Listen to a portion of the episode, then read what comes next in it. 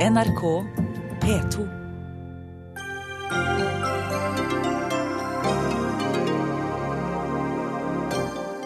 En sikkerhetsskandale som bør få etterspill, skriver Aftenpostens Harald Stanghelle. I går stormet en mann scenen under Nobelseremonien. Også politikerne krever en grundig gjennomgang av sikkerheten. Renta settes ned for første gang på to år.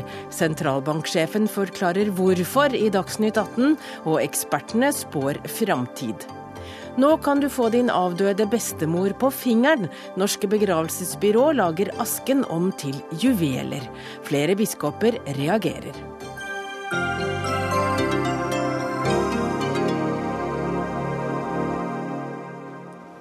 Ja, det er noen av sakene i kveldens sending, men vi rekker også innom Tidstyvutvalget, som har eh, kommet eh, fram til hvordan tidstyven i skolen skal bekjempes. Og vi skal også snakke om snøscootere som kjører over Grunnloven. Velkommen til Dagsnytt 18, jeg heter Hege Holm. En sikkerhetsskandale, det skriver altså Aftenposten på lederplass, om en ung meksikaner som i går klarte å komme seg helt fram til nobelprisvinnerne under nobelprisutdelingen i Oslo rådhus. 21-åringen rakk å stå på scenen i nær tolv sekunder før sikkerhetspersonell førte ham vekk fra podiet. Det er Oslo politidistrikt som har det operasjonelle ansvaret under fredsprisarrangementet.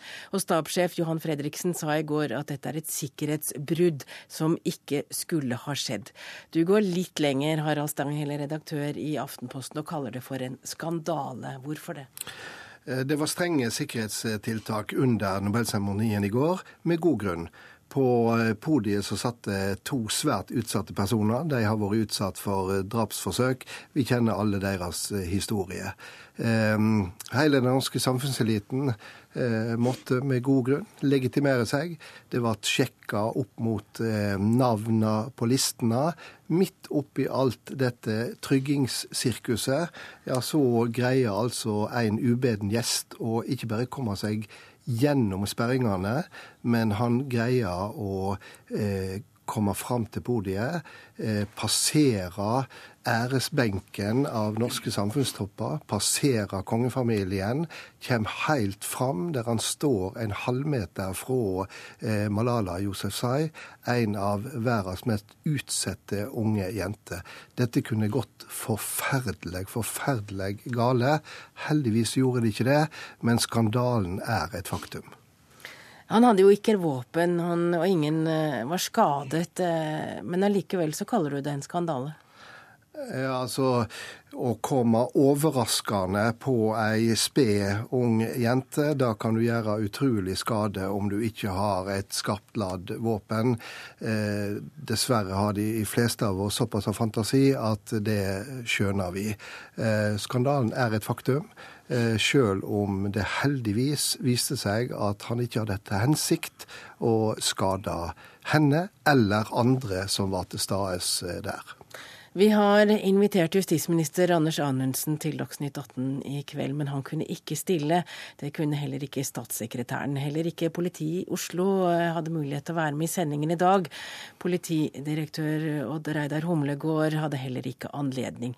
Men eh, Roger Andresen ble intervjuet av Dagsnytt tidligere i ettermiddag, og vi skal høre her hvordan han beklager gårsdagens sikkerhetsskandale som menneskelig glipp eh, er beklagelig, eh, men vi prøver nå å legge opp til rutiner som gjør at det skal være nesten umulig også med menneskelig glipp.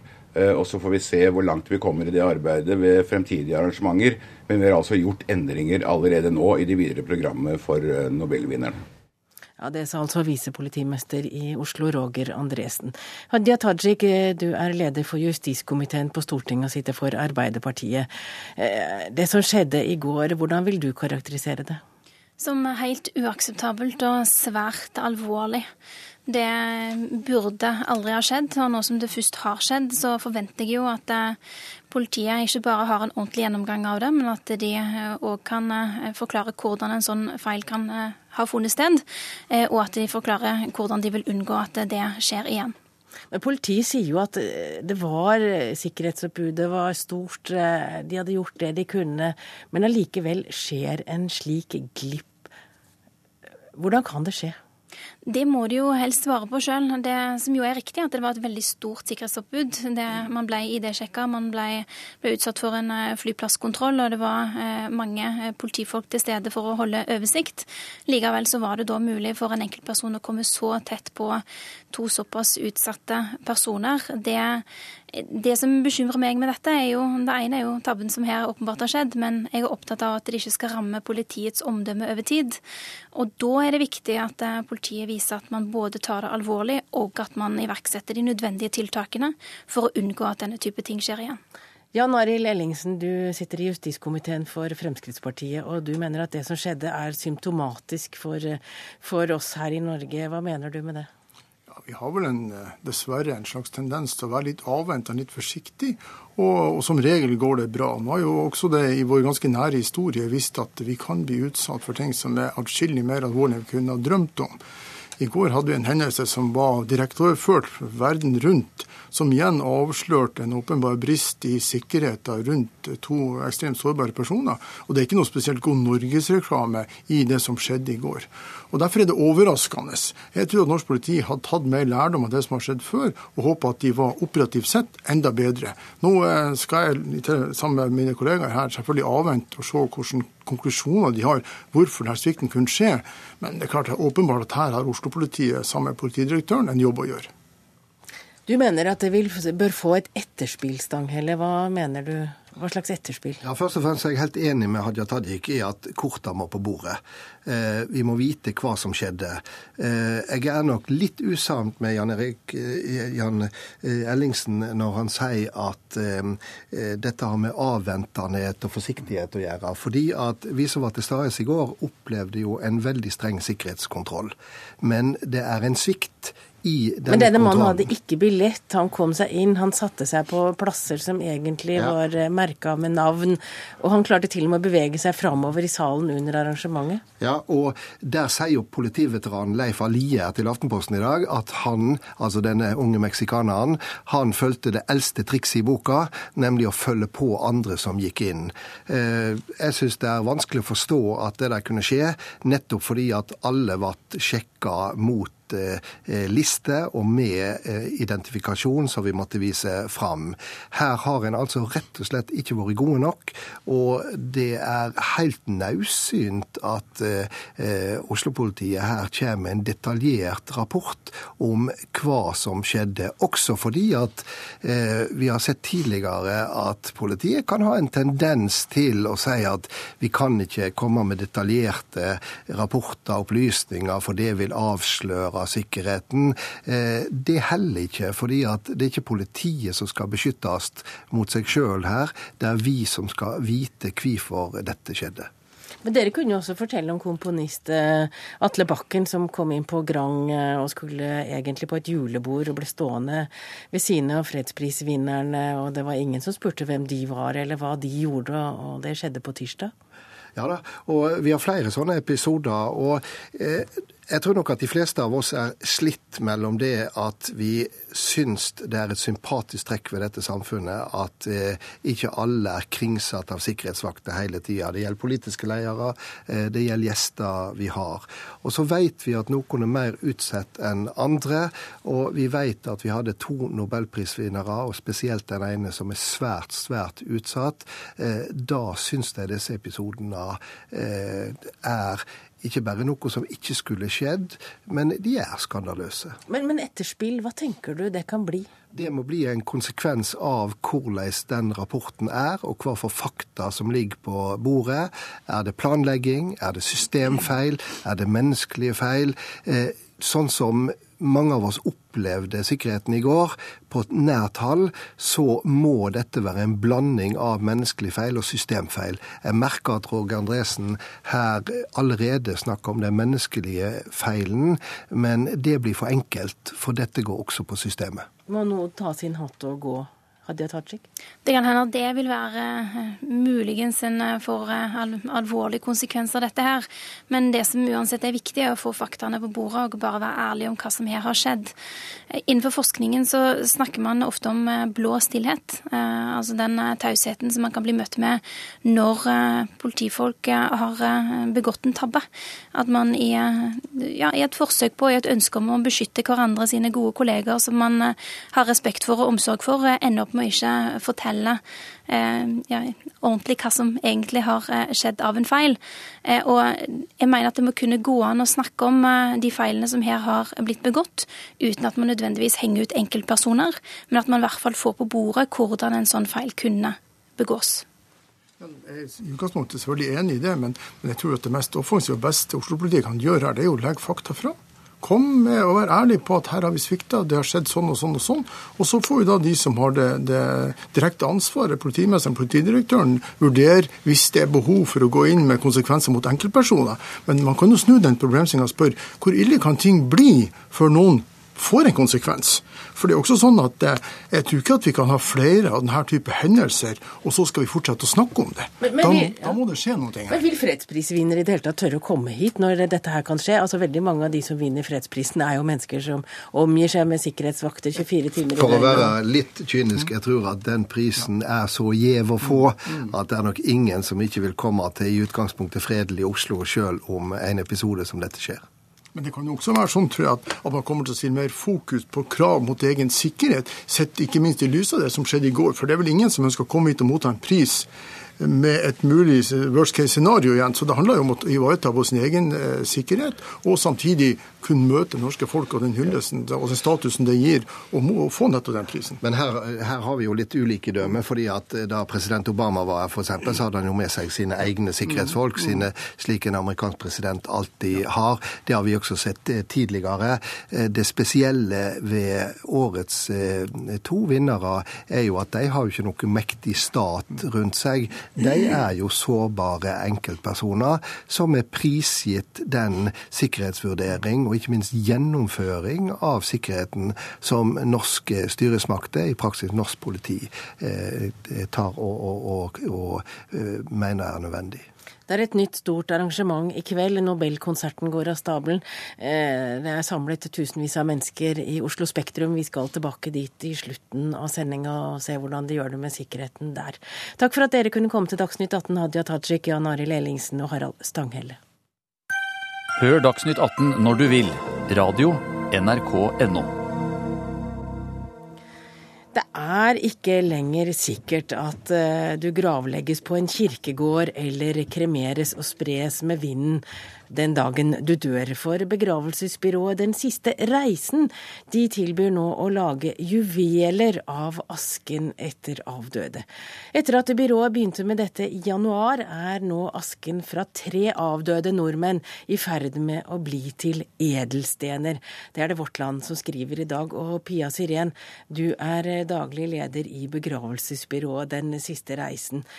Eh, og først må du altså forklare hvordan er det mulig å lage eh, stener ut av aske etter et menneske som er død? Ja, eh, det høres jo veldig utrolig ut. Det gjør det, og det er jo egentlig det. Når du blir kremert, så blir det som er igjen, det blir jo aske. Og i aske så er det karbon. Og det man gjør, er at man tar karbonet i asken og legger det i et presskammer. Og der står det i 10-12 måneder, litt avhengig av hvor stor eh, diamanten skal bli, for det bestemmer man i utgangspunktet. Og så kopierer den egentlig prosessen som skjer i naturen, men gjør dette på 10-12 måneder. Eh, naturen bruker 10-12 millioner år faktisk på akkurat samme prosess. Og ut av kammeret kommer det da en eh, ekte rådiamant som har akkurat de samme kvalitetene som en uh, diamant som man tar ut av eh, bakken. Og så vil den bli slipt og formet av en diamantsliper på lik linje som de andre diamantene. Hvorfor tilbyr dere dette? Ja, eh, jeg driver et eh, annerledes begravelsesbyrå. Og tilbyr annerledes selve seremonier og annerledes etterfester. Minnesamvær, som det kalles på tradisjonelt vis. Jeg kaller det for, for eh, sistefesten din. Og da ønsker vi at du skal få lov til å gjøre andre ting også enn å bare dette tradisjonelle å bli lagt i bakken, som er reglene i Norge. Du, når du dør i Norge, så har du egentlig to valg. Og Det ene er å bli lagt i en kiste, og av naturlige grunner så skjer det da på en gravplass, en kirkegård. Eller så kan du velge kremasjon. Og kremasjon, da må du også på en gravplass. Du kan bli lagt på en minnelund, du kan bli lagt på en anonym minnelund, en familiegrav eller en grav. Men hvis du ikke ønsker eh, å bli lagt på en gravplass, en kirkegård, så har Norge satt reglene sånn at eh, da kan du få lov til å spres for vær og vind. Men da får du ikke et siste minnested. Da er du fors, du er spredd for vær og vind. Og dine etterlatte får ikke noe igjen etter deg. De får ikke et eh, minne. Minne altså du har, har det fysiske eller minnet i deg. Og derfor en ring eller en juvel som en du kan bruke til et smykke. Ja, Halvor Norhaug, du er i Bergen. Du er eh, Bjørgvin, biskop i Bjørgvin. Hva syns du om eh, tilbudet fra Syren?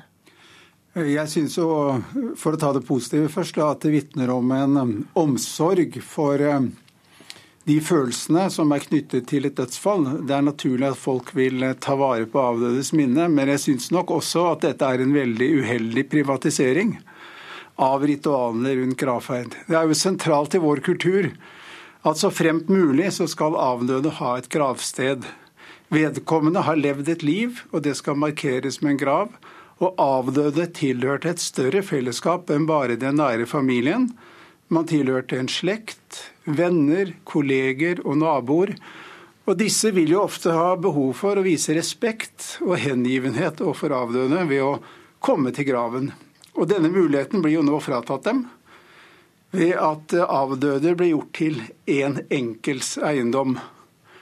Og Så kan man jo også spørre om det ikke er et opplegg for konflikt her. Da. For hvem av de etterlatte er det som skal være den verdige bærer av mor i ringen eller som et smykke. Eh, hovedinnvendingen min er at jeg mener dette er å privatisere eh, avdøde og trekke avdøde vekk fra det større fellesskap som vedkommende har tilhørt. Ja, eh, nå er det jo sånn da at ikke alle ønsker gravplass. Eh, ikke alle vil ha et sted. Derfor så finnes det også anonyme eh, steder i Norge, du, eller anonyme minnesteder, hvor du kan legge ned urnen din hvis du velger kremasjon. Um, og hvis du spres for aske eller for vinden, så får du jo heller ikke noe eget gravsted. Så den regelen, eller loven som vi har i dag, gravferdsloven, gir deg jo i dag mulighet til å ikke ha en gravplass. Og det er jo den frie viljen. altså Du kan si at tradisjonelt sett, ifølge Kirken, så eh, skal du begraves eller kremeres og legge på en gravplass. Men nå er det jo ikke alle som deler det synet. Det er ikke alle som har den troen. Um, og for de så er det veldig, veldig få valg i Norge. Uh, vi har religionsfrihet. Uh, men når vi kommer så langt til den aller siste viljen, og du frarøver ingen, for du kan også velge å bli flere diamanter. Du kan bli tre diamanter, fire diamanter. Så du kan faktisk spre minnet ditt. Du kan bli diamant i hele familien. Norheim, hvem er det som skal bestemme dette her? Er det den som dør, eller er det de som er igjen? Det er klart at I et samfunn så det, kan dette ikke være helt privatisert. Det er riktig det at det er mulig med anonyme minnesteder og man kan spres for vinden. Et annet spørsmål er om dette er en ønsket utvikling for fellesskapet, og jeg mener jo absolutt nei. Eh, og Det er jo også av hensyn til eh, behovet for de som lever, til å gå videre, atskilt fra den avdøde. Hvis man skal bære avdøde rundt som et smykke på halsen, så mener jeg dette er uheldig for selve sorgprosessen. Så er spørsmålet hvem skal ta disse avgjørelsene. og Jeg øh, syns ikke at dette skal være opp til hver enkelt å avgjøre. Vi har et lovverk, og det må man følge. Og i, i, henhold til dette lovverket så er jo den prosedyren som eh, man her har lagt opp til med diamantene, det er altså ikke lov. Det man da gjør, er at man tar da eh, asken utenlands og lar denne diamantprosessen skje der. Og så tar man da diamantene hjem, og da må jo bestemor fortolles på veien hjem igjen. Og dette er en prosess som er eh, etter min mening uheldig, og det er en tilbaketrekking fra fellesskapet som jeg syns er sterkt å beklage. Ja. Um, jeg må jo si at uh, valgfriheten til mennesker Jeg har, jeg har ingen ikke noe misjon om å verken frarøve noe en, en sorgprosess uh, eller andre, andre frarøvinger. Nå har det seg sånn at i dag så er det også andre ting som ofte går i arv. Når mennesker dør, så er det et stort bo som skal, gå, i, som skal deles i familier. Og jeg tror det at om du har arvet en sofa eller et bilde eller en klokke etter bestemor, så er det jo ikke sånn at ved å bære denne klokken eller sitte i den sofaen, at du ikke klarer å komme deg videre i sorgprosessen. Det er Fordi minnene å Bære klokken og bære bestemor, da. Nei, det, det, er helt riktig. For det er en stor forskjell. For det blir at denne klokken var bestemor sin, ja. mens denne ringen er bestemor. Og det er helt klart det er to vidt forskjellige ja. ting. Og derfor tror jeg at denne, dette smykket får en veldig, veldig stor verdi for de menneskene som kan bære det med seg. Men hva vil du, hvis du mister ringen? Da mister du jo bestemor for andre gang. Ja, det kan du godt si, og det vil være en tragedie å miste det. Nå er det jo sånn at en grav den har en, eh, livs, en løpetid på 20 år. Det er det graven har. Da er den åpen for andre. Da, da blir den borte. Nei, dette er ikke riktig. Dette er overhodet ikke riktig. Et gravsted vil jo som regel bli forlenget ved at man betaler en avgift, og så er graven eh, oppe som grav, altså den fungerer som grav så lenge pårørende ønsker det. Det er riktig, det kan man gjøre. Men ja, det gjør de aller fleste, da. I utgangspunktet så er det 20 år. Jo, men, men, du svarer jo ikke på min innvending om at den praksisen dere legger opp til, er i strid med loven? Nei, den er ikke i strid med loven. Jeg følger gravferdsloven til punkt og prikke. I Norge så er det ikke lov å gjøre selve Nei, prosessen. Det er helt det er riktig. Men, men det er veldig viktig å få med seg at jeg bryter ingen lover. Eh, jeg sender asken ut av eh, ut av landet. Og når du, kommer, når du sender asken ut i landet, så er det i det landet du sender asken til, gravferdsloven gjelder. Og det Dette gjelder vice versa. Dette er jo en omgåelse av lovverket, da. Men, men, det koster jo også så mye at det er jo ikke for de fleste. Det koster jo mellom eh, ja, 20 000 og flere hundre tusen. Men eh, Pia Syrien, vil du bli juvel en dag? Ja, det vil jeg. Helt klart. Jeg vil bli til to juveler, for jeg har to barn. Eh, som er mine nærmeste. Og jeg, har, eh, jeg og mannen min vi har eh, glatte gifteringer. Og så vil jeg sette én sten i hver av de ringene, og det samme vil skje når mannen min dør, for han ønsker det. Og så får mine barn da hver sin ring som vi er i, som de kan bære med seg og gi videre nedover i generasjonene. Så det blir et arvesmykke med en helt spesiell verdi. Takk til Pia Sirén, daglig leder i begravelsesbyrået Den siste reisen. Takk også til biskop i Bjørgvin, Halvor, Halvor Nordhaug.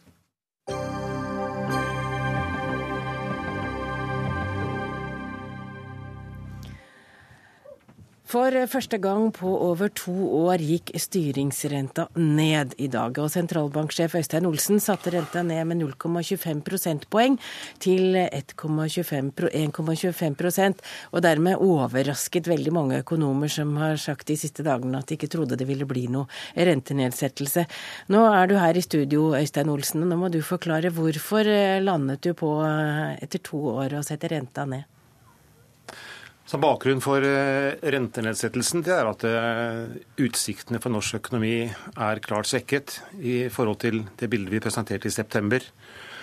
Eh, oljeinvesteringene faller betydelig neste år, og ifølge våre nye anslag i de to påfølgende årene. Og dette er en veldig stor og viktig næring med store tall, så det merkes og gir ringvirkninger i norsk økonomi når så skjer. Og det bildet er siden i løpet av høsten klart forsterket i kjølvannet av det betydelige fallet i oljeprisen som har kommet og som har gjort at eh, en del, det stilles spørsmålstegn ved lønnsomheten i noen prosjekter i, på sokkelen. Slik at eh, utfordringene for oljenæringen er eh, økt. Men hva vil du oppnå ved å sette ned renta 0,25% Med 0,25 prosentpoeng? Da, da, er det slik, for å forklare kort, søke å forklare kort uh, hva som er vårt, vår oppgave, uh, hva som er pengepolitikkens oppgave. Uh, så lenge inflasjon, vår hovedoppgave, er å sørge for over tid lav og stabil inflasjon, rundt 2,5% Det er tilfellet nå. Inflasjonen er og synes godt forankret rundt det målet. og Da er det i tråd med mandatet, og det er vår oppgave at gitt dette, så skal vi også søke å stabilisere nettopp utviklingen i samlet produksjon og sysselsetting i landet vårt. Nå er det tendens til at produksjonen i norsk økonomi blir klart svakere, ganske svak neste år. Arbeidsledigheten vil kunne øke noe. Eh, pengepolitikken er da et førstelinjeforsvar for å motvirke en mer markert nedgang i økonomien. Eh, og vi handler nå for å søke å ivareta vår rolle i så måte. Men hva tror du skjer? Eller hva ønsker du nå skal skje? Altså, da må jeg gå på de, de sentrale kanalene som, hvor, som, som, hvor renten, renten, virker gjennom og påvirker norsk økonomi. Og, og To viktige kanaler. Det ene er etterspørselskanalen. Eh, det blir, eh, det blir, det blir litt billigere å låne, gitt at renten har gjennomslag, styringsrenten har gjennomslag i, i renter i bankene, og det legger vi til grunn. Eh, Men du ønsker vel ikke at de skal ta opp større boliglån eller altså, forbrukslån? Det er, en, det, er en, det er, mer en, en, en, mulig nedside, mulig, en mulig utfordring med å sette ned renten. At isolert sett så påvirker det boligpriser og, og låneopptak i positiv retning. Men samtidig gitt det bildet jeg beskriver, om svak vekst, dempet etterspørsel, så ja, så er det et eh, formål også å påvirke og stimulere etterspørselen noen steder i økonomien. Men den andre viktige kanalen, det er gjennom valutamarkedet, og at renten påvirker valutakursen. Eh, og den har svekket seg betydelig, langt på vei i forventninger om at Eh, at renten senkes. Eh, og en svekket valutakurs er svært viktig for å stimulere produksjonen i andre deler av norsk økonomi enn det som er oljerelatert. Nå har du tatt ned renta altså med 0,25 prosentpoeng. Hva kommer du til å gjøre når vi bikker 2015? Eh, ja, Der gir vi aldri noen løfter. Vi er, vi er, vi er åpne Nei, og vi er forutseende. Ja, vi er, vi er, nøye med å, å, å signalisere hva, hva, slags planer vi har fremover. Eh, og Det er en viktig del av vår eh, kommunikasjon og, og, og sånn sett pengepolitikken. Eh, og Langs den rentebanen som vi i dag presenterer, så tilsier situasjonen og bildet slik vi nå ser det, at eh, det er en, en, viss sannsynlighet, eller mer presist en 50-50 sannsynlighet, for at, eh, at, vi får enda en rentesenkning i løpet av neste halvår, første halvår 2015. Men, men altså, usikkerheten er betydelig, eh, og bildet vil jo uansett forandre seg i en eller annen retning. Så, men enkelte land er jo helt nede på null i rente. Kan vi komme dit? Vi, bildet som vi tegner nå, er jo ikke i nærheten av å være den situasjonen som andre land er i. Vi har et handlingsrom fortsatt. Ikke, har, det, er, det, er, en god avstand eh, fra 1,25 og til null. Eh, og utsiktene for norsk økonomi eh, er i retning av avdempet vekst og litt høyere ledighet. Det er alvorlig for dem som rammet. Men, men for øvrig, hvis man ser gjennom vår prognoseperiode, så, så tar veksten seg opp igjen og arbeidsledigheten blir på et moderat nivå, et lavt nivå i forhold til landet rundt oss. Det er jo bare få dager siden finansministeren sa at eh, det er en manglende kriseforståelse i Norge. Deler du den bekymringen? Altså, vi bruker ikke, jeg har ikke tatt ordet krise i min munn, selv om jeg er blitt utfordret på det i løpet av eh, dagen. Det er ingen krise i norsk økonomi. Men ja, det er noen utfordringer foran oss nå, knyttet til særlig utviklingen i oljenæringen. Litt avhengig av hvordan oljeprisen utvikler seg fremover. Så det er noen flere skjær i sjøen, og veksten vil bli klart svakere fremover enn det vi er, er eh, vant til. Men, men, men, la oss si lønnsveksten, f.eks. i våre anslag, den holder seg oppe på en slik måte at folk flest, de som har arbeid, vil oppleve positiv reallønnsvekst, eh, om enn svakere enn i tidligere år, i de nærmeste to-tre årene. Så, så vi, må, vi, må, tilpasse oss en situasjon hvor veksten i Norge blir litt mer lik landene rundt oss. Men, men, det, men det er ingen krise, og særlig når man sammenligner oss med land internasjonalt. Du ønsker ikke å delta i debatt i Dagsnytt 18, Øystein Olsen, sentralbanksjef, og i dag eh, mannen som har satt ned renta. Så da sier jeg takk til deg, og så kommer det inn noen som skal eh, spå litt inn i framtida, og som kanskje kan være litt friere enn deg. For eh, Jan Ludvig Andreassen, du er sjeføkonom i Eika-gruppen. Du har eh, tidligere sagt at du tror det ville komme et rentekutt, så, så du sier bare 'hva var det jeg sa' i dag, når det skjer. Du er fornøyd? Jeg er i hvert fall veldig fornøyd. Jeg tror det var en klok avgjørelse som vil hjelpe norsk næringsliv gjennom de nødvendige omstillingene. Det er jo ikke bare slik at oljeprisen har, har nærmest kollapset, men det er fra en, en utgangspunkt hvor Norge har et ekstremt høyt kostnadsnivå i nær sagt alle næringer. Og en svak kronekurs og fallende rente, det er det vi trenger i dag. Kjersti Haugland, du er seniorøkonom i DNB Markets, og du, du, var skeptisk. Du uttalte deg skeptisk til en rentesenkning. Hva sier du i dag? Ja, det var jo overraskende for vår del at Norges Bank valgte å kutte renta allerede nå. Eh, vi hadde jo trodd at det skulle komme et kutt i løpet av eh, første halvår eh, neste år, men vi trodde at Norges Bank hadde tålmodighet til å vente og se an hvordan utviklingen ble i norsk økonomi. Nå valgte de heller å være i forkant, føre var, heller enn etter snar. Og dermed så bomma vi på rentebeslutningen i dag. Men når det nå er gjort, hva vil du si om eh, beslutningen? Beslutningen eh, er jo begrunna med at en ønsker å være på den forsiktige sida. Og hvis utviklingen blir i norsk økonomi sånn som Norges Bank beskriver, eh, og med svakere vekst, eh, svakere reallønnsutvikling, økende arbeidsledighet, og ikke minst med en avdempa vekst i boligprisene, så er jo ikke et rentekutt nå noe som kommer til å gjøre ubotelig skade på økonomien. Men et poeng som vi har prøvd å få fram, er jo at eh, lavere rente vil eh, støtte opp om boligmarkedet, som for øyeblikket er veldig hett, eh, og kan føre til da videre oppbygging av finansielle ubalanser. Ja, så jeg vil jo tro at hvis, hvis de setter det nå med, eller kutter renta med 0,25 prosentpoeng, så vil det bety at jeg også vil merke det hvis jeg går inn i min postboks i banken og ser at renta på mine lån går ned. Og dermed så kan jeg vel være frista til å ta litt mer lån? Vel, altså, Poenget her er vel litt at eh, bankene eh, tjener ikke så godt eh, på rentekutt som når vi nærmer oss null, som de gjør når rentene er høyere. Og Derfor er det ikke helt klart hvor mye av det, denne, dette rentekuttet som går videre til kundene. I, i pengemarkedet så er det nå inn ytterligere to rentekutt det neste året.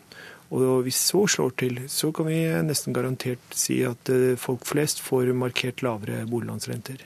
Vi hørte jo han sa det blir ikke noe, eh, blir ikke noe nullrente her som det f.eks. er i Sverige. Er det jo, det er jeg sikker på.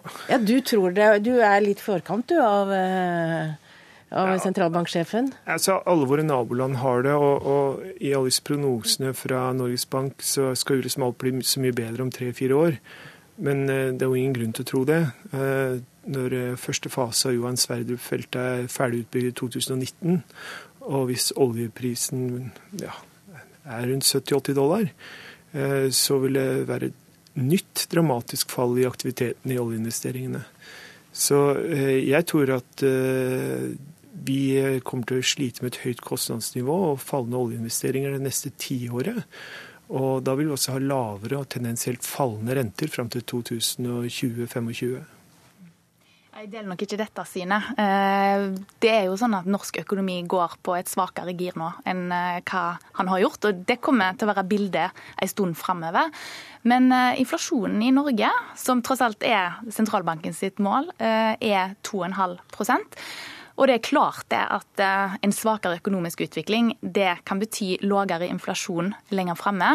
Men vi tror nok ikke at økonomien kommer til å utvikle seg så svakt at vi begynner å få behov for nullrente i Norge. Så det synet deler vi ikke. men Eh, nedsiderisikoen på renta, den er der fremdeles. Det kan hende renta kan komme videre ned, men vi tror ikke det er snakk om store rentekutt. Men Kjersti Haugland, dette er jo ikke enkelt. Vi fant et intervju med deg i fjor hvor du trodde at det ville bli renteoppgang i slutten av 2014. Ja, det var før eh, oljeprisen falt eh, dramatisk. Han har falt med 40 siden i sommer og er forventa å holde seg rundt dagens nivåer, litt høyere de neste åra. Eh, og det er klart at det får effekter, akkurat som min kollega Jan Andreassen sa her. Eh, det får effekter på investeringsetterspørselen, og det gir ringvirkninger inn i norsk økonomi. Så det må vi ta inn over oss. Ny informasjon, da må vi endre standpunkt, ellers så følger vi ikke med i timen. VG hadde jo krigstyper i dag, boligkrakk 2015 med spørsmålstegn. Hva tror dere om det? Nei, altså Min prognose er vel at det meste av landet får en 5-6 boligprisvekst eh, neste år, etter en eh, sterk avslutning av inneværende år. Eh, Stavanger-regionen kan kanskje få tilsvarende nedgang, og i Agder-fylkene ganske stabilt svakt ned. Og Poenget her er jo at renteeffekten er veldig stor for folk flest. Vi må merke oss at selv om oljenæringen er, er, gigantisk, så er jo halvparten av voksne nordmenn enten jobber i offentlig stat eller har de trygder fra offentlige. Og for dem er jo i første omgang effekten av dette billigere bensin og lavere rente. Ja, Vårt syn på dette er at eh, boligprisene kommer til å avta i løpet av neste år. Ikke på noe som helst måte bo, eh, noe boligkrakk som vi ser for oss, men en avtakende tendens. Og Årsaken til det er jo at vi tror at arbeidsledigheten kommer til å stige til nivåer som vi ikke har sett siden 2005. Slettes ikke krisehøye nivåer, men likevel, det er en stund siden vi har vært der tidligere. Men det er klart at rentekutt, eh, jo større rentekuttene blir, jo mer er det jo oppsida for boligmarkedet. Men vi tror nok eh, at det blir en nedadgående tendens i løpet av neste år. Bør nordmenn ha større kriseforståelse enn det vi har? Altså, vi eh, i Norge er i en veldig heldig situasjon. Vi har eh, noen solide støtdempere som kan hjelpe oss nå når det butter imot. Vi har en pengepolitikk som fortsatt har kraft igjen. Vi er tross alt eh, ikke på nullgrensa i pengepolitikken. Vi har en noen finanspolitiske muskler som alle andre industriland ville misunne oss. Eh, og vi har ei krone som flyter fritt, som nå har svekka seg kraftig, noe som er veldig godt nytt for norske eksportører. Så det er ingen grunn for norske forbrukere å føle at eh, dette her kommer til å bli eh, en krise framover. Men det er jo viktig å ta inn over seg at det kan være sånn at en får en mindre jobbsikkerhet framover. Og det er alltid viktig at forbrukerne når de tar opp lån, ikke låner mer enn de kan bære i en vanskelig situasjon. Altså, jeg er litt enig, men eh, jeg tror ikke det blir krise. Men det som har vært egentlig mitt poeng, er jo at vi har kommet til et slikt stadium med overinvesteringer og et veldig høyt kostnadsnivå. Vi kommer til å gå inn i en sånn mer sveitsisk situasjon med veldig lav vekst, null i rente, i overskuelig fremtid. Takk til Kjersti Haugland, seniorøkonom i DNB Markets, og Jan Ludvig Andreassen, sjeføkonom i Eika-gruppen. Takk for at dere ville komme her og spå litt om eh, framtida.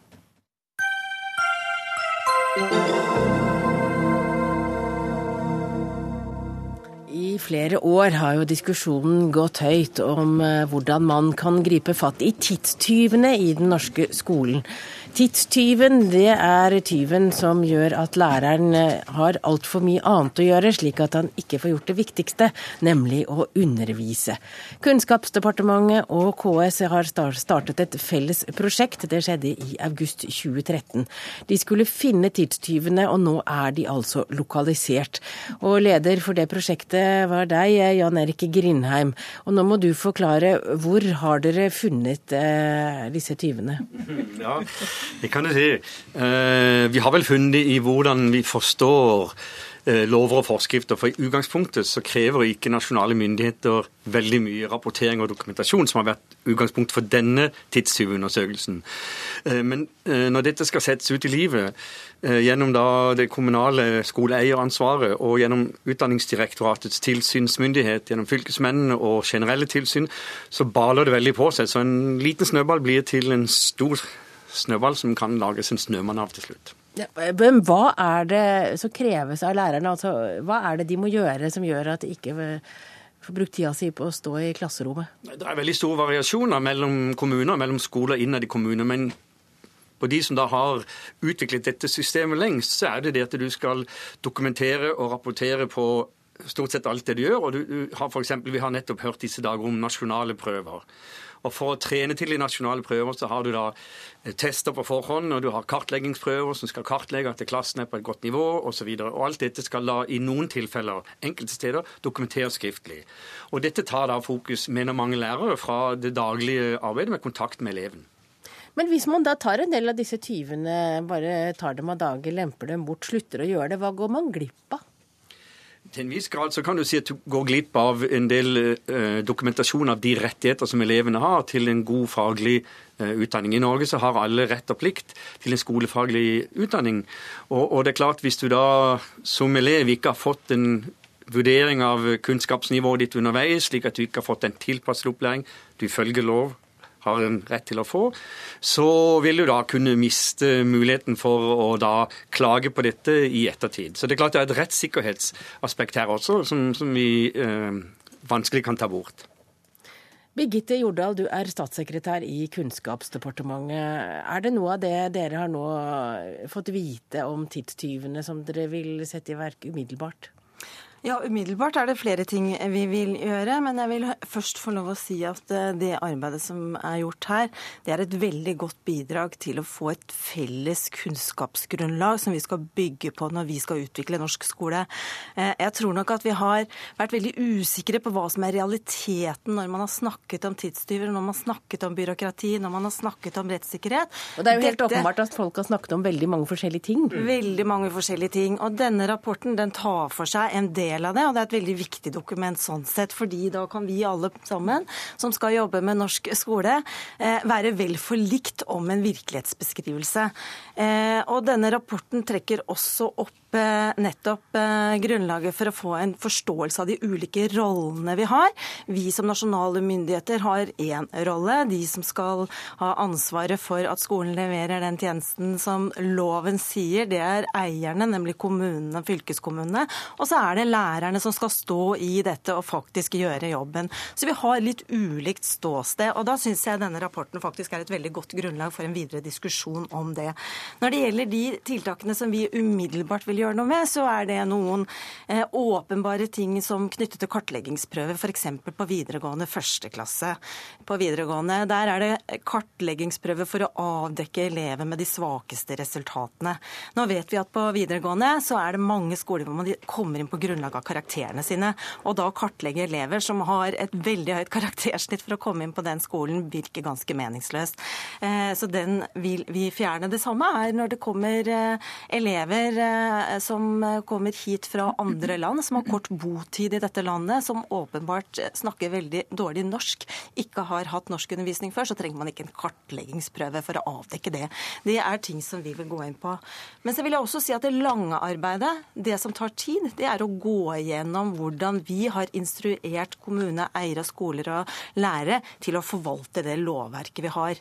Det er et møysommelig arbeid, og det må vi gå i gang med. Ja, og vi har også med oss kommunene. Vi er leder i KS, Gunn Marit Helgesen, eh, dersom det skal noe endring til, så må jo dere i kommunene være enige. Og vi hører jo her at det er forskjell fra kommune til kommune. Eh, hvordan tror du at dere kan få bukt med tyvene? Jeg tror at vi må samarbeide tett med både lærerorganisasjonene eh, og vi må samarbeide med staten med, med, for å få den felles forståelsen av hva er godt nok. Altså hva trenger vi av dokumentasjon for å vite at eleven får, får den læringen den faktisk har krav på. Eh, og det er jo faktisk sånn at De fleste kommuner har, og fylkeskommuner de har et genuint ønske om å gi veldig god opplæring til elevene. De har et eh, demokratisk og juridisk ansvar for at de får den opplæringen. Og i iveren etter å bevise at man faktisk leverer, så kan det nok tenkes at selv kommunene også pålegger ekstra dokumentasjonskrav eller rapporteringskrav som vi må se på. Og Derfor er det mange anbefalinger i denne rapporten som vi nå vil gå kritisk gjennom. Og vi vil oppfordre kommuner, fylkeskommuner til å gå gjennom hva er selvpålagte krav som bare stjeler oppmerksomhet og tid fra det lærerne bør gjøre, nemlig å undervise. Slik at eh, Jeg syns dette er et fantastisk godt utgangspunkt for det arbeidet vi må gjøre i fellesskap. Men det er jo også nødvendig at eh, det blir sagt her at lovgiver kanskje ikke har egentlig eh, gjort mer enn de skal. Men eh, det er også eh, direktorater, departementer, tilsyn og da skoleeiere som tolker hva staten faktisk forventer. Og Hvis vi da overtolker og tror at de kravene til dokumentasjon er veldig mye høyere enn det de faktisk er, ja, så får vi plukke ut. Rydde opp og få det bort, slik at eh, kjernetid er å gi elevene best mulig undervisning. Og i bunnen av denne næringskjeden sitter du, Steffen Handal. Ja, det, jeg ser snøballen kommer. Ja. Mm. Du er altså nestleder i Utdanningsforbundet, og det er fra dere tyvene tar tida. Er du imponert over forslagene eller det arbeidet som nå har eh, blitt lagt ned i denne rapporten? Ja, jeg syns arbeidet er godt. Eh, det, nå, nå, ser vi bare toppen av et isfjell her, for de har konsentrert seg om noen tidstyver. Det fins andre. og Veldig mange lærere føler seg som helsesøster og vaktmester og sånne ting i tillegg, og det kommer ikke fram i denne rapporten. Men bildet er jo sånn som det var i 2009, da vi fikk det forrige tidsbrukutvalget. Det er fullt på lærerens bord, det er fullt på skolelederne sitt bord, og noen må rydde. Og så er det litt sånn at mens disse to ved siden av meg diskuterer liksom hvem eh, har ansvaret, stat eller kommune, eh, så ser vi det at kommunene tiltar seg eh, en rolle der hvor de pålegger skolene å gjøre mer enn det som er bestemt fra nasjonale myndigheter. Og det forstyrrer egentlig eh, læringsarbeidet. Må huske på det at Kan du komme med eksempler på hva det er? ja, F.eks. underveisvurdering. Altså Der har nasjonale myndigheter sagt at det skal dokumenteres skriftlig at underveisvurderingen blir gitt. Og så har en del eh, kommuner bevisst og ubevisst tolket det som at all underveisvurderingen må gjøres skriftlig. Det er et enorm forskjell. Og det utløser ingen nye ressurser når kommuner velger å gjøre dette. Så istedenfor å bare ta lille Ole ut av klasserommet når han har tid til det og snakke med han, så må du skrive ned Ja. Ja. Og du må kunne vise at du har skrevet, og han må kunne lese det. Helt riktig. Og det som skjer da, det er at du tar tid egentlig fra eleven. Det er eleven og oppfølgingen av eleven sin tid som blir borte da. Og det er det som er hovedproblemet her. Så at utvalget peker igjen på de samme tingene. Vi vet nå at det er fullt på lærerens bord. Noen må rydde. Og det foreslås noen veldig gode tiltak her som vi kan eh, jobbe videre med. Men så står det også i rapporten jeg synes er interessant at noe av problemet her er at det fins drivere som f.eks. konkurranse mellom kommunene. Man vil være den beste skoleeieren. Og så Ved å være det, så er man veldig veldig aktiv overfor skolene og pålegger dem unødvendig aktivitet for å fremstå som dyktige. Det, og vi skal merke oss en ting. I forarbeidene til opplæringsloven så står det veldig tydelig at læreplanen den henvender seg til læreren og skolene. Det er de som er satt til å forvalte ansvaret. Og det som skjer når kommunene blander seg for mye inn i det, det er at man tar det profesjonelle handlingsrommet bort. Og det, jeg må bare si det. Det er veldig lurt å dyrke lærerens profesjonelle handlingsrom. For det er læreren som står i situasjonen med elevene, de ulike elevene, i ulike situasjoner og må velge ulik tilnærming. Derfor er denne standardiseringen den er egentlig en trussel mot det profesjonelle handlingsrommet, men også mot kvaliteten i undervisningen. Jeg har lyst til å invitere lærerorganisasjonen til at vi kritisk går gjennom bl.a. underveisvurderingen og ser hva er nødvendig for å dokumentere at eh, eleven får det den har rett på. Eh, Og Da syns jeg det rådet som kommer, er at både lærere, skoleledere og si skoleeiere sammen med foreldre setter seg ned og ser på hva er godt nok for å kunne dokumentere at eleven har fått det den faktisk har krav på. Eh, Og Da tror jeg jeg er helt enig med Steffen Adlali at tillit er veldig mye bedre enn omfattende tilsyn og kontroll. Og Det er ett eksempel på hvordan vi nå kan jobbe sammen og definere hva, hva, hva er nødvendig, slik at vi vet at eleven faktisk får god, eh, lærings, et godt læringsmiljø og en god undervisningssituasjon. Men jeg har også lyst til å eh, nevne et annet eksempel, så, fordi det er ett eksempel. Vi har elevundersøkelser, kanskje de også blir for omfattende. Eh, og det er pekt på mange andre anbefalinger i denne rapporten, så det er et veldig godt grunnlag for å arbeide sammen. For jeg er helt overbevist om at vi begge ønsker den beste skolen for elevene våre. Men denne veilederen for felles nasjonalt tilsyn det er omfattende dokumentasjonskrav, også fra direktorater, eh, som vi bør se på. Og Det er derfor staten også er viktig å få inn på dette. Og Jeg, jeg er egentlig ganske optimistisk jeg, er etter dagens hendelse, fordi vi er enige om at vi ønsker å gjøre det vi kan for å redusere tidstyver og få læreren til å Det bruke høres tid på veldig det de skal. dramatisk ut med hendelse, men det høres ut som det, kanskje dere kommer lenger nå enn i 2009. Tror Ja. du det, Hanna? Ja, jeg håper det. Jeg er veldig glad for invitasjonen. og selvfølgelig, vi skal stille opp på dette. Eh, Men det er verdt å, å ta inn over seg at vi har vært gjennom den største lærerstreiken på 30 år, og noe av spørsmålet der handla om tillit. Og det det at vi Altså, jeg skulle ønske at vi tre kunne være enige om at vi er nødt til å verne om det profesjonelle handlingsrommet. Eh, Denne regjeringen foreslår f.eks. at for barnehagesiden så er det kommunene som skal avgjøre hvilke kartleggingsverktøy som skal brukes eh, i barnehagen. Det er rent sludder. Det dokumenteres også i rapporten at det er viktig at det er de med fagkompetansen som gjør de vurderingene. Og det er til og med sånn at jo lenger unna klasserommet du kommer, jo mindre oversikt har man over konsekvensene av det man pålegger av rapportering og dokumentasjon. Det er flere ting som peker i samme retning. La læreren være lærere. Bygg systemet på tillit. Mindre kontroll. Det, dette er så viktig. Eh, Jeg tror det er viktig at vi også er enige om at vi har ulike roller. Noen skal ivareta elevene sin rettssikkerhet. Noen skal sørge for at de får de enkeltvedtakene de trenger. Noen skal sørge for at vi utøver demokratiet på en god måte. Og så skal vi selvfølgelig være opptatt av det som skjer i Men klasserommet. Det er det som betyr noe. ivaretas på flere måter, og jeg tror det er best at læreren får en mer sentral rolle i det. Mm. Eh, Vi er på ville vei nå. Mm. Mm. Dette var iallfall den første runde. I dag kom eh, rapporten. Takk til Birgitte Jordal, statssekretær i KD. Takk til Jan Erik Rinne, prosjektleder, Gunn Marit Helgesen, KS, og Steffen Handal, nestleder i Utdanningsforbundet.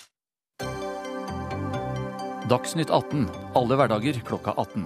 På NRK P2 og NRK2.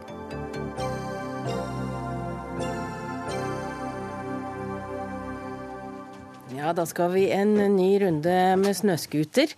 For diskusjonen om hvorvidt folk flest skal få kjøre snøscooter for moro skyld, ser ut til å ha tatt en ny retning, kan man vel si i dag. For jurist Anine Kierulf, du skriver i Aftenposten at lovforslaget om fornøyelseskjøring med snøscooter tier om miljøbestemmelsene i Grunnloven. På hvilken måte kjører snøscooterne her over Grunnloven? Ja, jeg, Sammen med jusstudent Jon Gudbrand Flyflett så har jeg da skrevet en kronikk i dag om dette på hans initiativ, egentlig. Eh, for vi er jo opptatt av at denne grunnlovsendringen som har kommet i år, som vi har hørt så mye om, eh, den skal ha den realiteten som Stortinget forutsatte da de vedtok dette i vår. Det er jo understreket i innstillingen eh, til vedtagelsen av denne paragrafen at et, et spesiell grunn til å vedta den i den formen den nå får, er at den skal ha preg av å være en rettighetsbestemmelse. Det betyr på jusspråk at den skal tas mer alvorlig. Høyre har en særmerknad i innstillingen hvor de understreker nettopp dette poenget. Og da er det jo med stor undring vi har gått gjennom en hel proposisjon på over 50 sider om et tiltak som jo åpenbart har en side til miljøet, uansett om man nå er for eller mot denne åpningen uten at det overhodet er berørt, denne nye grunnlovsbestemmelsen, som jo stiller krav til utredninger og til at vi som borgere skal få den innsikten vi trenger for å vurdere om dette er innenfor Grunnlovens rammer. Grunnloven er jo som kjent den høyeste loven som setter rammene for hva som kan vedtas i de lovene som kommer under den. Den lager rammene for hvilke lover Stortinget lovlig kan vedta. At man da overhodet ikke berører denne nye bestemmelsen i et jubileumsår hvor det har vært snakket så mye og med så mange fine ord om Grunnloven, det er jo direkte pinlig. Er det det, Odd Henriksen? Du er stortingsrepresentant fra Høyre. På ingen måte. For å si det sånn, Grunnlagene i Grunnlovens § 12 er selvfølgelig ivaretatt når man driver med saksbehandling på formell lov. sånn at det er det ikke noe problem med. I, i tillegg så er det jo slik at denne, denne, denne måte? grunnlovsbestemmelsen var jo i Grunnloven før endringa kom. Og det vi har gjort, er jo en språklig endring av Grunnloven. Men, men bare for å ta det sånn. eh, Det vi snakker om her nå, det er jo, det er jo, vi skal jo ikke endre en ny formell lov. Motorferdselloven er jo eh, fast sånn som den er. Det vil si at Hovedregelen om at forbud mot motorferdsel i utmark ligger fast. Og så er det man går inn på en, eh, skal se på en, en, en eh, endring med en unntak, hvor man også kan eh, kjøre snøscooter på fritid, altså fritidskjøring. Det er det det her omhandler. Og proposisjonen sånn som jeg leste den fra A til Å, omhandler at man skal ivareta naturen på, på, på best mulig måte. Sånn at Jeg klarer ikke å se at det skal være noe strid med den proposisjonen som foreligger i Stortinget og Grunnloven i det hele tatt. Dette er jo eh, opplysende å høre, men ganske nedslående, må jeg si. fordi eh, det er jo ikke slik at fordi at noe er selvsagt, så trenger man ikke å, berøre det. Eh, Hvis det var slik at det var helt uproblematisk alt i forhold til Grunnlovens paragraf 112, så kunne man jo bare sagt det i proposisjonen. Det at man overhodet ikke nevner den, etterlater jo heller en tvil om det faktisk er noen forhold som burde vært vurdert, som ikke er vurdert. Eh, eh, Og som tidligere advokat så er du jo selvfølgelig godt kjent med det begrunnelseskravet som ligger her. og hele poenget med denne grunnlovsendringen i vår, det er jo ikke bare å ivareta disse rettighetene bedre. Det er jo også å innskjerpe det begrunnelseskravet som jo på ingen måte er nytt, men som ligger helt grunnleggende i statsrettsteori, nemlig at offentlig makt ikke kan utøves legitimt uten begrunnelse. Vi vil ha den begrunnelsen som borgere. Vi har krav på den begrunnelsen etter paragraf 112. Hvorfor har dere ikke behandlet den? Fordi den står i proposisjonen uh, i totalt sett. Og så kan man Hvor godt- Hvor da? Hvor da? På så- hvilken side er du så nå? kan man godt På hvilken side er du nå? Man, man er langt innenfor Grunnloven. På hvilken 112. side er du? Man, man er på langt, man er langt innenfor Hvor er det den er nevnt, da? Men hør nå, vi er på langt, på langt på innsida av hva Grunnloven 112 regulerer. For å si det sånn.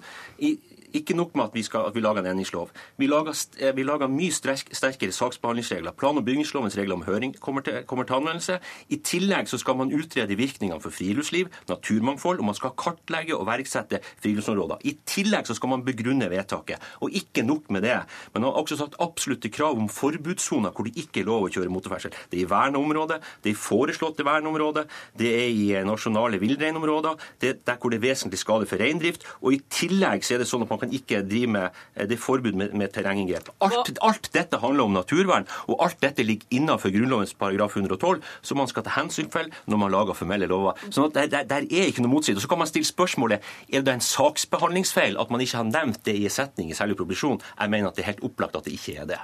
Ja.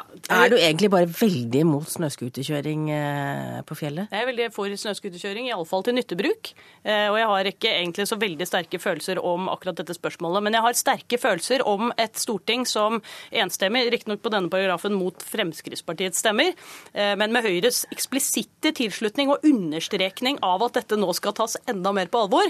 Jeg har et stort problem med et storting og en regjering som sier så mange pene ting om å ta Grunnloven på alvor, og åpenbart ikke gjør det. Vi åpenbart gjør det. Og så er det jo sånn at Når man endrer formelle lover, så er det selvfølgelig Grunnloven som er saksbehandlingsreglene knytta til hvordan det skal gjøres. Men dere har forskjellig oppfatning av om dette berøres av Grunnloven?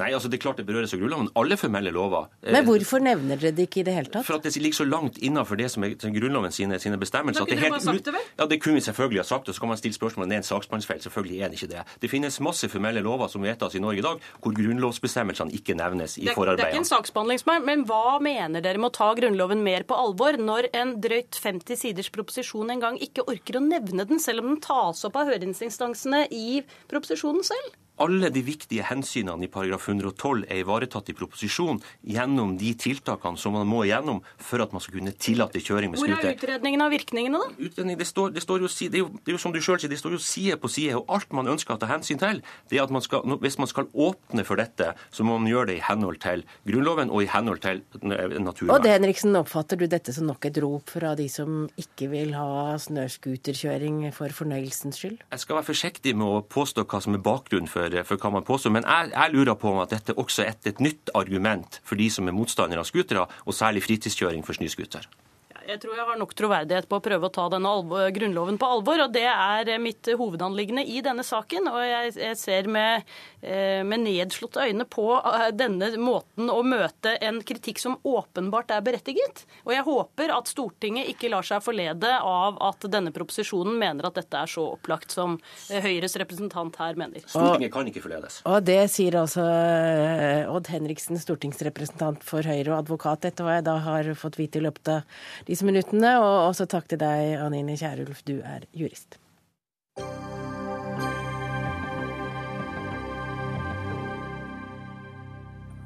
Om en liten time starter den store Nobelkonserten i Oslo Spektrum.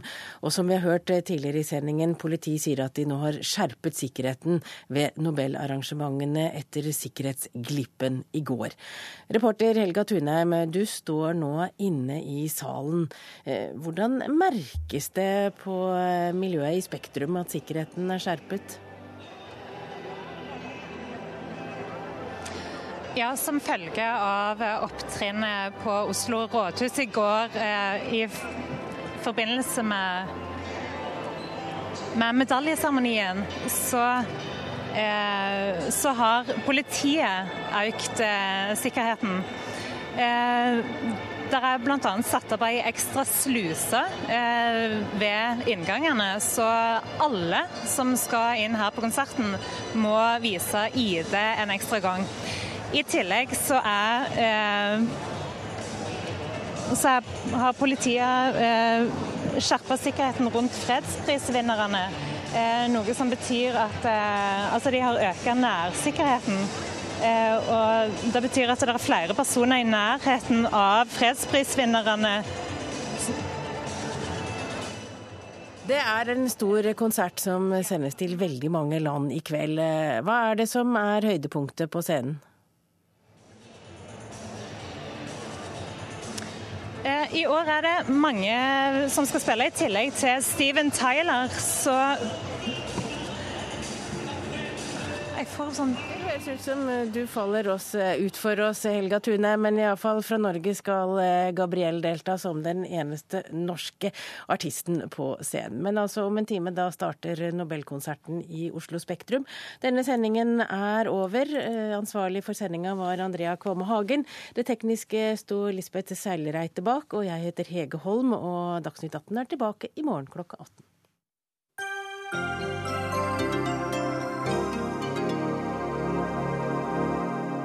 Hør flere podkaster på nrk.no podkast.